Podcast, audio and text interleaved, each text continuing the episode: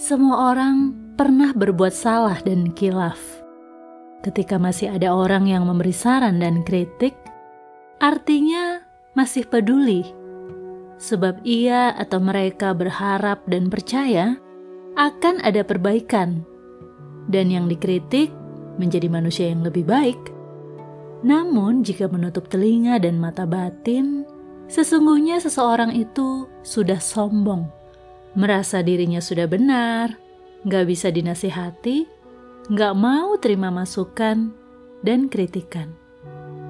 Udah merasa paling benar, padahal tak seorang pun sempurna.